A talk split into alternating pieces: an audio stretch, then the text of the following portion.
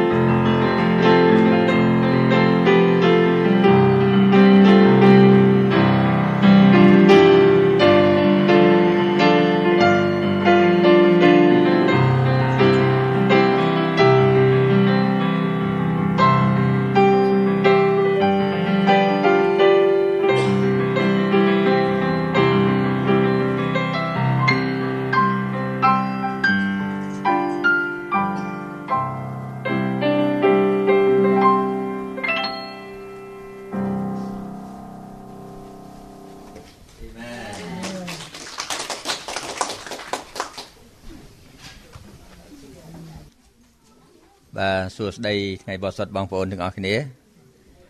បាទយើងមានដំណរណាស់ដែលបានចូលក្រាបថ្វាយគុំព្រះអង្គជាមួយគ្នារៀងរាល់ថ្ងៃសប្តាហ៍ណែបងប្អូនបងប្អូនគិតមើលថាប្រសិនបើយើងអឺមើលព្រះគម្ពីរពីដើមដំបូងផុតយើងឃើញថាទស្សនវិជ្ជាមួយ ដែលដូចគ្នានឹងនគរឋានសួគ៌គឺមានតែសួគ៌ស្បៃដែនទេមែនទេសួគ៌ស្បៃដែនមុនពេលអំពើបាបបានចូលប្រៀបដូចជានគរឋានសួគ៌មួយតូចគេហៅ Eden is a miniatures of heaven អរគុណព្រះអង្គថ្ងៃនេះយើងបានចូលរួមនៅក្នុងការថ្វាយគុំព្រះអង្គទៅសារដំកើងព្រះអង្គនៅតាំងគ្រប់វ័យទាំងអស់ពីកុមារហើយខាងយុវជន ហើយជាពិសេសយើងបានស្ដាប់នៅការប្រគំភ្លេងបុរាណរបស់យើងហើយនឹងភ្លេង piano របស់សុផាន់ថ្ងៃនេះអរគុណព្រះអង្គអឺចុះបងប្អូនគិតមើលថាប៉ះសិនបើយើងគិតថាសប្តាហ៍ថ្ងៃនេះតើកន្លែងណាមួយដែលយើងមានគេហៅថា a taste of heaven គឺជារសជាតិមួយឬក៏ទស្សនវិជ្ជាមួយនៃនគរឋានសួគ៌គឺនៅពេលណាទេបងប្អូន ខ្ញុំប្រាប់បងប្អូនបងប្អូនអាចយល់ស្របជាមួយខ្ញុំឬមិនយល់ស្របប៉ុន្តែខ្ញុំថាពេលថ្វាយបង្គំព្រះ The worship time is the taste of heaven is it right បាទការថ្វាយបង្គំព្រះ គឺជាទស្សនវិជ្ជាមួយនឹងរសជាតិនៃនគរឋានសួគ៌បើយើងមើលមិនទាន់ឃើញដល់ហ្នឹងគឺថាបងប្អូនពិចារណាមើលឡើងវិញពីព្រោះនេះហើយគឺជាទស្សនវិជ្ជានៃនគរឋានសួគ៌បន្តិចទៀតយើងនឹងមើលបទបន្ទូលជាមួយគ្នាយើងនឹងឃើញថា ហេតុអ្វីបានជាខ្ញុំនិយាយថាការថ្វាយបង្គំគឺជាទស្សនវិជ្ជានិងរសជាតិនៃនគរឋានសួគ៌មានពេលមួយខ្ញុំជួបជាមួយនឹងប៉ាស្ទ័រម្នាក់គាត់មិនមែន Adventist ទេគាត់និយាយថាទេគិតគិតមើលទៅមិនដឹងជានៅកន្លែងណាដែល worship ថ្វាយគុំថ្ងៃសបាក៏មិនមែនទេគាត់ថារាល់ថ្ងៃ មួយទៀតពេលដែលច្រៀងក៏មិនដឹងជាកន្លែងថ្វាយគុំឬកន្លែងណាមួយឬកន្លែងអធិប្បាយគាត់អត់ដឹងថាកន្លែងណាកន្លែងដែលថ្វាយថ្វាយគុំព្រះទេប៉ុន្តែខ្ញុំគិតអញ្ចេះខ្ញុំគិតថាព្រះអង្គទ្រង់បានរើសទីកន្លែងមួយ ដែលយើងជួបជុំគ្នាថ្វាយបង្គំព្រះមិនថាកន្លែងនេះទេមិនថាកន្លែងក្រមលុបឈើឬនៅកន្លែងណាមួយទេកន្លែងណាមួយដែលអ្នកដែល កោតខ្លាចព្រះលើកព្រះបន្ទូលរបស់ព្រះអង្គមកនាំគ្នាអធិដ្ឋានរូបនាមព្រះអង្គខ្ញុំថាទីនោះហើយជាទីបរិសុទ្ធរបស់ព្រះអង្គអេមែនបាទហើយពេលនោះហើយពេលដែលយើងចូលថ្វាយគុំព្រះអង្គនៅចំពោះវត្តមានរបស់ព្រះអង្គពេលយើងអានព្រះបន្ទូលបរិសុទ្ធនេះហើយគឺជាពេលដែលយើងថ្វាយគុំព្រះតើនឹងឲ្យបានខ្ញុំអោយបងប្អូនមើលលោកដាវីតគាត់បាននិយាយថាម៉េចគាត់ថាខ្ញុំសុំអោយនៅក្នុងដំណាក់នេះព្រះយេហូវ៉ានោះអស់មួយជីវិតខ្ញុំ យើងនឹងឃើញបន្តទៀតដែលយើងមើលពិចារណាមើលឡើងវិញថ្ងៃនេះជាការបូកសរុបនៅក្នុងការដែលយើងឆ្លងកាត់នៅក្នុងមេរៀនថ្ងៃអឺនៃការអធិប្បាយរបស់យើងអំពីព្រះគម្ពីរវិវណៈហើយខ្ញុំមិនបានក្រងទេប៉ុន្តែយើងមកចប់ថ្ងៃនេះចប់នៅវិវណៈចំពោះ22ហើយនៅថ្ងៃ17ក្រោយគឺយើងណែធ្វើ Christmas គេថាយើងចប់ Revelation មកយើងចប់សពគ្រប់ ដោយសង្ខេបពីកន្លែងខ្លះខ្ញុំរួមចំពុក1 2យ៉ាងចូលគ្នាទៅប៉ុន្តែយើងចប់ថ្ងៃនេះដោយមិនបានក្រងទេគេថាចប់ថ្ងៃនេះនៅក្នុងវិវណៈចំពុក22អេមែនអរគុណព្រះអង្គជាងសូមបងប្អូនសង្រួមកាយអធិដ្ឋានជាមួយខ្ញុំព្រះវរបិតាទុំគុំសូមអរគុណព្រះអង្គទុំគុំសូមយាងព្រះមានបរិសុទ្ធបានគង់សន្តិដ្ឋនៅក្នុងកណ្ដាលយើងខ្ញុំទាំងអស់គ្នាពេលដែលទុំគុំបានមើលពិចារណានៅព្រះបន្ទូលព្រះអង្គនៅគម្ពីរវិវណៈចំពុក22 និងបូកសរុបនៅក្នុងគម្ពីរវិវណៈទាំងមូលទុំគុំសូមអធិដ្ឋាន សូមដោយនៅព្រះនាមឥឡូវយើងទាំងអស់គ្នាពិចារណាមើលពីក្នុងគម្ពីរវិវណៈតើនៅក្នុងគម្ពីរវិវណៈទាំងមូលបងប្អូនចូលចិត្តទាំងណាខ្លាំងជាងគេអូខេតើយើងបានរៀនអ្វីខ្លះដែលយើងមិនដែលបានរៀនពីមុនខ្ញុំលើកចំណុច មួយចំនួនបងប្អូនអាចនឹងបន្ថែមខ្ញុំថាចំណុចសំខាន់សំខាន់គឺការថ្វាយបង្គំព្រះត្រាសម្គាល់របស់ព្រះឈ្មោះក្នុងជីជីវិតសេចក្តីតាំងសញ្ញា2នគរឋានផែនដីថ្មីនិងផ្ទៃមេឃថ្មី ជាដើមនេះជាចំណុចសំខាន់បំផុតសម្រាប់យើងបងប្អូនដឹងនេះនៅក្នុងកាពីលោកកបាតជំពូក3 គឺយើងឃើញថានៅក្នុងចុងបំផុតនៃកាពីលោកកបាតជំពូក3អាដាមអេវ៉ាបានបាត់បង់នៅការលំនៅឋានរបស់គេនៅក្នុងសួនច្បារអេដែនហើយពេលនោះគឺថាត្រូវបានបណ្ដេញចេញ ពីសួនច្បារអេដែនហើយក្នុងរយៈពេលហ្នឹងគឺពីពីនងមកមកទល់សប្តាហ៍ថ្ងៃមានរយៈពេលប្រហែលបងប្អូនអ្នកសិក្សាព្រះគម្ពីរគេថាមានរយៈពេល6000ឆ្នាំប្លាយហើយណារហូតមកទល់ពេល នៅនៅក្នុងវិវណៈចំពុក22នេះឯងដែលមានការដែលព្រះបានសន្យាឲ្យយើងបានចូលមកដើមជីវិតវិញបាត់បង់ដើមជីវិតបងប្អូនមើលជាមួយខ្ញុំនៅលោកកំបាត់ចំពុក3នៅខ24ថាទ្រង់បណ្ដេញមនុស្សចេញហើយដាក់ជារូប៊ីននៅខាងកើតសួនច្បារអេដែននឹងដាវដែលជាអណ្ដាតភ្លើងបែរេបែទៅគ្រប់ទិសដើម្បីនឹងរក្សាផ្លូវទៅដើមជីវិត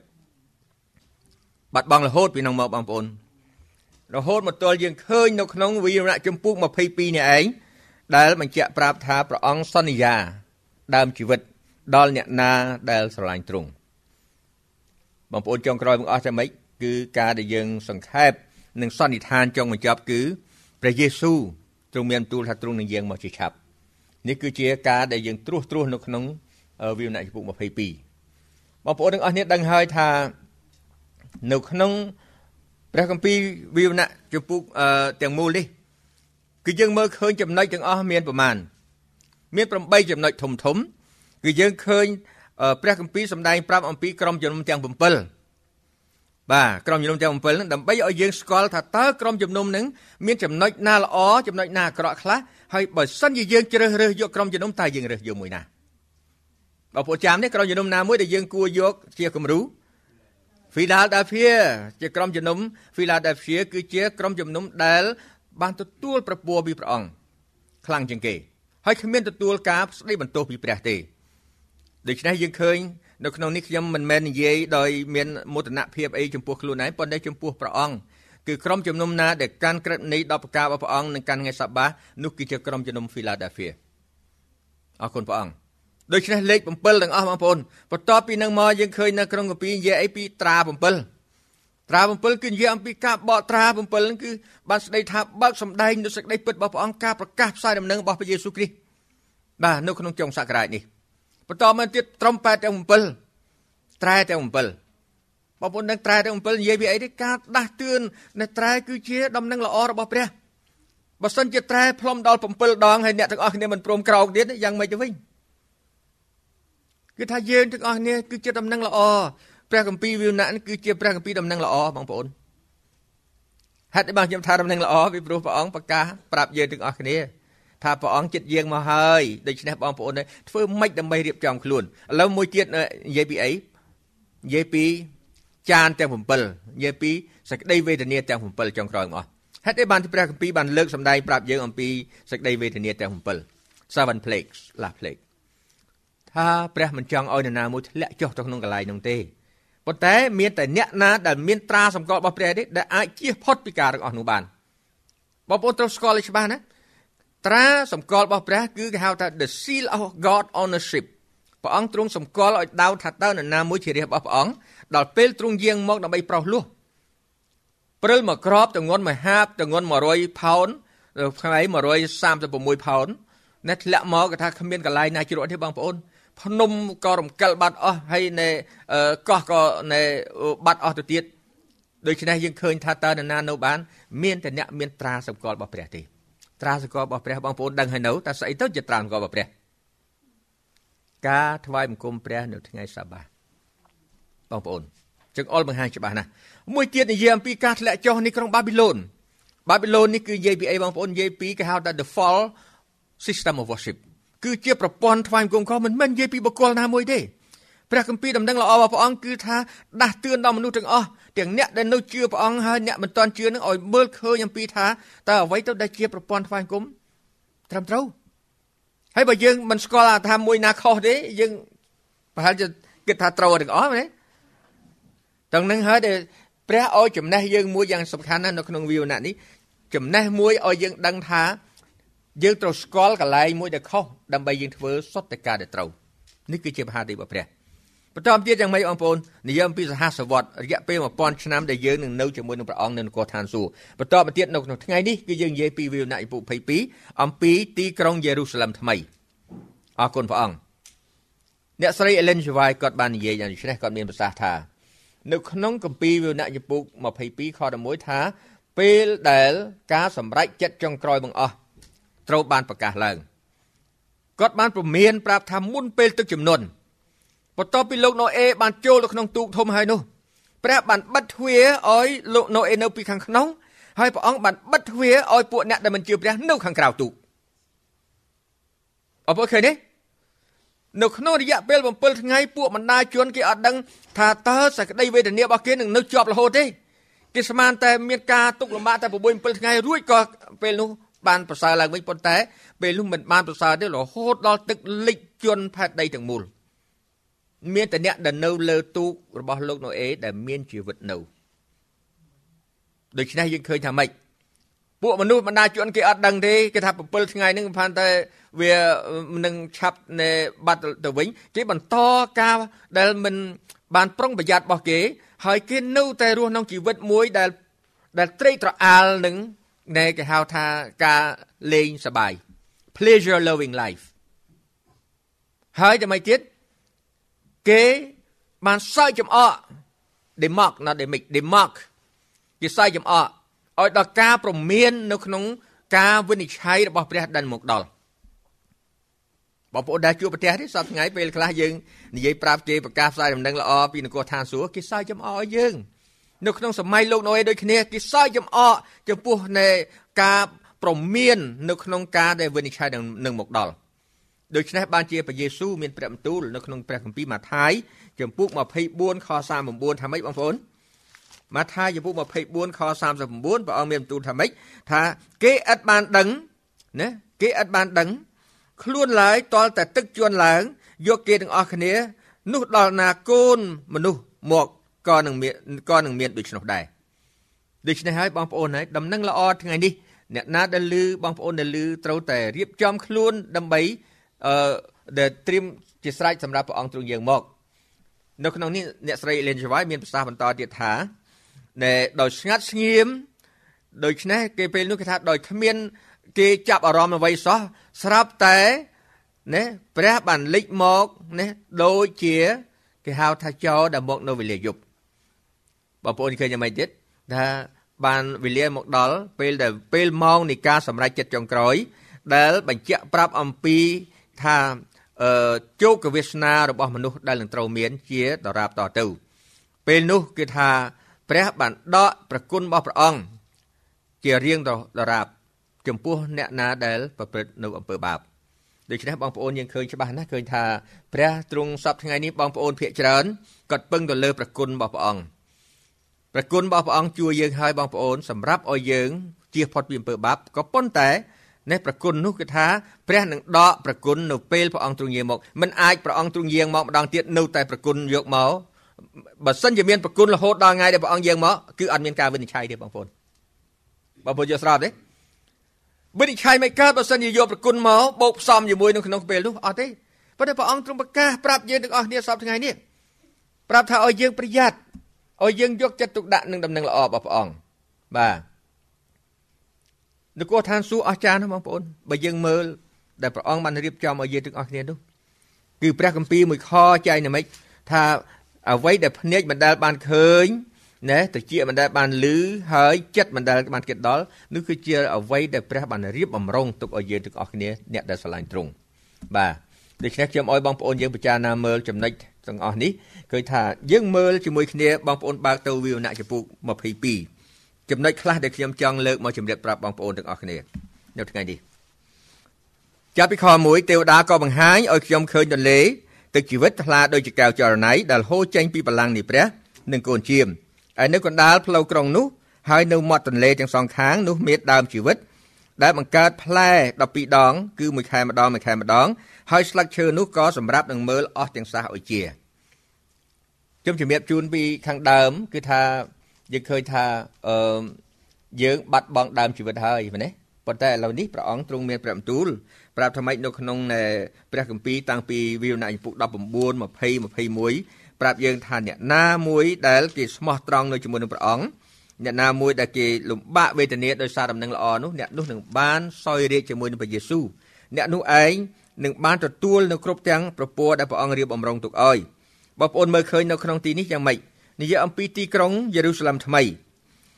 ចាប់ពីខ3ថាគ្រានោះនឹងគ្មានសេចក្តីបណ្ដាសាទៀតឡើយហើយបលាំងនៃព្រះក៏នឹងកូនជាមក៏នឹងនៅក្នុងក្រុងនោះឯពួកបាវរបស់ទ្រង់គេនឹងបំរើទ្រង់ គេនឹងឃើញប្រភពទ្រង់ហើយពនាមទ្រង់នៅលើថ្ងាសគេអរគុណព្រះអង្គចំណុចដែលសំខាន់ដែលខ្ញុំអោយបងប្អូនយើងពិចារណាមើលនៅក្នុងបទបន្ទូលទាំងអស់នេះឃើញថានៅក្នុងព្រះគម្ពីរវិវណៈចំពុក22នេះគឺចង្អុលបង្ហាញប្រាប់យើងអំពីចំណុចដ៏សំខាន់ពេលនេះព្រះយេស៊ូវមានព្រះបន្ទូលប្រមាណដងបងប្អូនគឺលោកយ៉ូហានបានលើកអំពី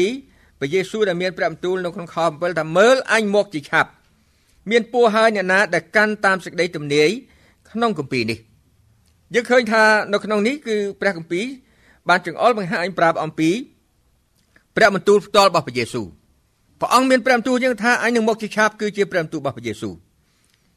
ខ8គឺយ៉ូហានខ្ញុំដែលបានឃើញហើយឮសេចក្តីទាំងនេះ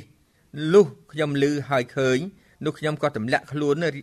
រៀបនឹងថ្វាយបង្គំនៅទៀបជើងទេវតាដែលបង្ហាញឲ្យខ្ញុំឃើញសេចក្តីទាំងនេះ ខ9តែទេវតាប្រាប់ខ្ញុំថាកុំឲ្យធ្វើដូច្នេះឡើយខ្ញុំក៏ជាបាវបំរើជាមួយនឹងអ្នកដែរហើយជាមួយនឹងពួកហោរាជាបងប្អូនអ្នកនិងពួកអ្នកដែលកាន់តាមព្រះបន្ទូលក្នុងគម្ពីរនេះផងចូលថ្វាយបង្គំដល់ព្រះវិញចុះនេះគឺជាចំណុចមួយសំខាន់ណាស់បងប្អូននៅក្នុងគម្ពីរវិវណៈនេះគឺថាយើងបានឃើញអំពីការថ្វាយបង្គំមនុស្សនៅក្នុងសម័យព្រះគម្ពីរនៅក្នុងសម័យព្រះយេស៊ូវក៏ដោយគេថា ចំណេក្រោយមកទៀតគឺគេខ្លាចណាស់គេគេគេខ្លាចគេគោរពនឹងព្រះបន្ទូលរបស់ព្រះអង្គណាពេលណាគេឮព្រះបន្ទូលរបស់ព្រះអង្គគេថាគេធ្វើម៉េចគេញាប់ញ័រហើយគេបានគេហៅថាក្រាបទៀបចុះដើម្បីនឹងស្ដាប់ព្រះបន្ទូលរបស់ព្រះអង្គនៅក្នុងនេះគឺថារហូតដល់យ៉ូហានហ្នឹងគាត់ឃើញទេវតាទេវតាគាត់ចង់ថ្វាយគុំទេវតាប៉ុន្តែទេវតាប្រាប់ថាកុំអោយថ្វាយគុំអោយយើងទាំងអស់នេះថ្វាយគុំព្រះចុះឃើញទេបងប្អូនចំណុចនេះហើយដែលយើងឃើញថា បទបន្ទូលនេះបានប្រាប់យើងច្បាស់ណាស់ថាយើងមានតែមួយទេយើងថ្វាយគុំគឺថ្វាយបង្គំព្រះហើយព្រះនឹងទៀតនៅក្នុងវិវណៈពុ14ថាម៉េចព្រះអាទិកោព្រះដែលបង្កើតផ្ទៃមេឃផែនដីដែលយើងត្រូវថ្វាយបង្គំពីព្រោះមានព្រះច្រើនណាស់បងប្អូនបងប្អូនមើលបន្តិចទៀតយើងនៅមើលឃើញយើងមើលឃើញថាហេតុអីបានជាព្រះអង្គទ្រង់មានព្រះបន្ទូលយ៉ាងដូចនេះយើងឃើញថាមានតែព្រះដែលបង្កើតត្រីមេឃផែនដីទេដែលនឹងនឹងនឹងគង់នៅក្រៅពីនោះនឹងមិនមិនបាននៅទេ នឹងនឹងត្រូវរលាយសាប់សូន្យនឹងអស់ពីក្រោមមេឃតែនេះឯងដែលឲ្យយើងទាំងអស់គ្នាដឹងនៅក្នុងខ10ថារួចទេវតាប្រាប់មកខ្ញុំថាកុំអោយបំបិតសេចក្តីទំនាយនៅក្នុងគម្ពីរនេះឡើយពីព្រោះពេលកំណត់ចិត្តដល់ហើយបាននេះថាម៉េចបងប្អូនកុំអោយបំបិតបាននេះទៅឲ្យយើងផ្សព្វផ្សាយខ្ញុំឃើញបងមកថាឡើងមិញកវត្តចកេះស្រេចនេះប្រហែលជាបែបប្រុងព្រៀបផ្សាយដំណឹងហើយបាទណា ណែអីណែខ្មែរថាម៉េចថាពេលណាណែមិនលត់ជើងខមូដៃអាវណាចុះណែចុះចុះស្ទូងស្ទូងដកបាទហើយបងមកថាគាត់កវត្តណែចកេះយ៉ាងមើងម៉ាត់ណាបងបងមកថាប្រុងព្រៀបហើយហ៎បាទអរគុណព្រះអង្គប៉ុន្តែបងប្អូនមើលក្នុងខ10ខ11អ្នកណាដែលទុច្ចរិតឲ្យអ្នកនោះនៅតែទុច្ចរិតអ្នកណាដែលស្មោកគ្រោកឲ្យអ្នកនោះនៅតែស្មោកគ្រោកចុះ តែអ្នកណាដែលសុចរិតវិញត្រូវឲ្យអ្នកនោះចេះតែប្រព្រឹត្តផ្លូវសុចរិតទៅហើយអ្នកណាដែលបរិសុទ្ធឲ្យអ្នកនោះនៅតែបរិសុទ្ធដដែលបងប្អូនស្ដាប់តនខំទូលនេះទេបាននេះថាព្រះជាម្ចាស់ពេលណាដែលព្រះអង្គទ្រង់យាងមកហើយអស់មានពេលនេះទៀតហើយសពថ្ងៃនេះគឺថាការដែលប្រកាសផ្សាយដំណឹងល្អរបស់ព្រះអង្គគឺយូរណាស់មកហើយតាំងពីជំនាន់លោកយ៉ូហានបាទីសមករហូតដល់សពថ្ងៃអ្នកណាដែលសុចរិតនៅសុចរិតអ្នកណាទុច្ចរិតទុច្ចរិតបានគេអត់ព្រមប្រែចិត្តទេ គេមិនព្រមប្រែចិត្តគេនៅតែប្រកាន់នៅសេចក្តីជំនឿនិងការអនុវត្តរបស់ខ្លួនជាជាជាដរាបតទៅត្រូវនេះហើយបាននេះថានៅក្នុងកពីវិវណៈបងប្អូនបានស្ដាប់តាំងពីខ្ញុំអធិប្បាយនៅទំព័រនៃចម្ពុកទី1មកយើងឃើញនេះព្រះបានគូសឲ្យយើងទាំងអស់នេះមើលណាពីពីខាងគេមកខាងគឺថាខាងព្រះយេស៊ូវដល់ពិតមកខាងទៀតគេថាការថ្វាយបង្គំដល់ពិតគេមកខាងទៀតគឺការថ្វាយបង្គំ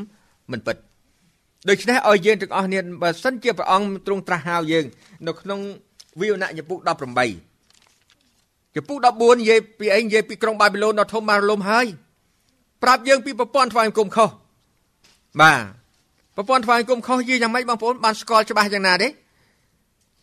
បើសិនជាបងប្អូនមើលគម្ពីររហូតតាំងពីដើមដល់ចប់យើងឃើញថា ព្រះមិនដែលបានបំផ្លាស់ប្រែអ្វីទេ អ្វីដែលព្រះអង្គមានព្រះបន្ទូលហើយក្រិតវិនិច្ឆ័យ10ប្រការរបស់ព្រះអង្គមិនដែលផ្លាស់ប្ដូរទេនៅថ្ងៃសបារបស់ព្រះអង្គមិនដែលផ្លាស់ប្ដូរដែរដូច្នេះការថ្វាយបង្គំគឺនៅតែធ្វើដូចជាសម័យដល់ព្រះយេស៊ូវគង់នៅលើផែនដីតើនេះហើយដែលខ្ញុំអុយមើលបានជានៅក្នុងនេះព្រះអង្គមានព្រះបន្ទូលនៅក្នុងវិវណៃពុ18ខ4ថាម៉េចថាដោយពេលវេលាកំណត់សូមអញ្ជើញបងប្អូនលោកអ្នកស្ដាប់វគ្គបញ្ចប់នៅវេលាល្ងាចថ្ងៃអាទិត្យសូមព្រះជាម្ចាស់ប្រទានព្រះពរ វិទ្យុយើងសូមថ្លែងអំណរគុណដល់បងប្អូនលោកអ្នកដែលបានយកចិត្តទុកដាក់ស្ដាប់កម្មវិធីយើងខ្ញុំនៅថ្ងៃនេះ សូមព្រះជាម្ចាស់ប្រទានព្រះពរជាបរិបូរណ៍គុំដណ្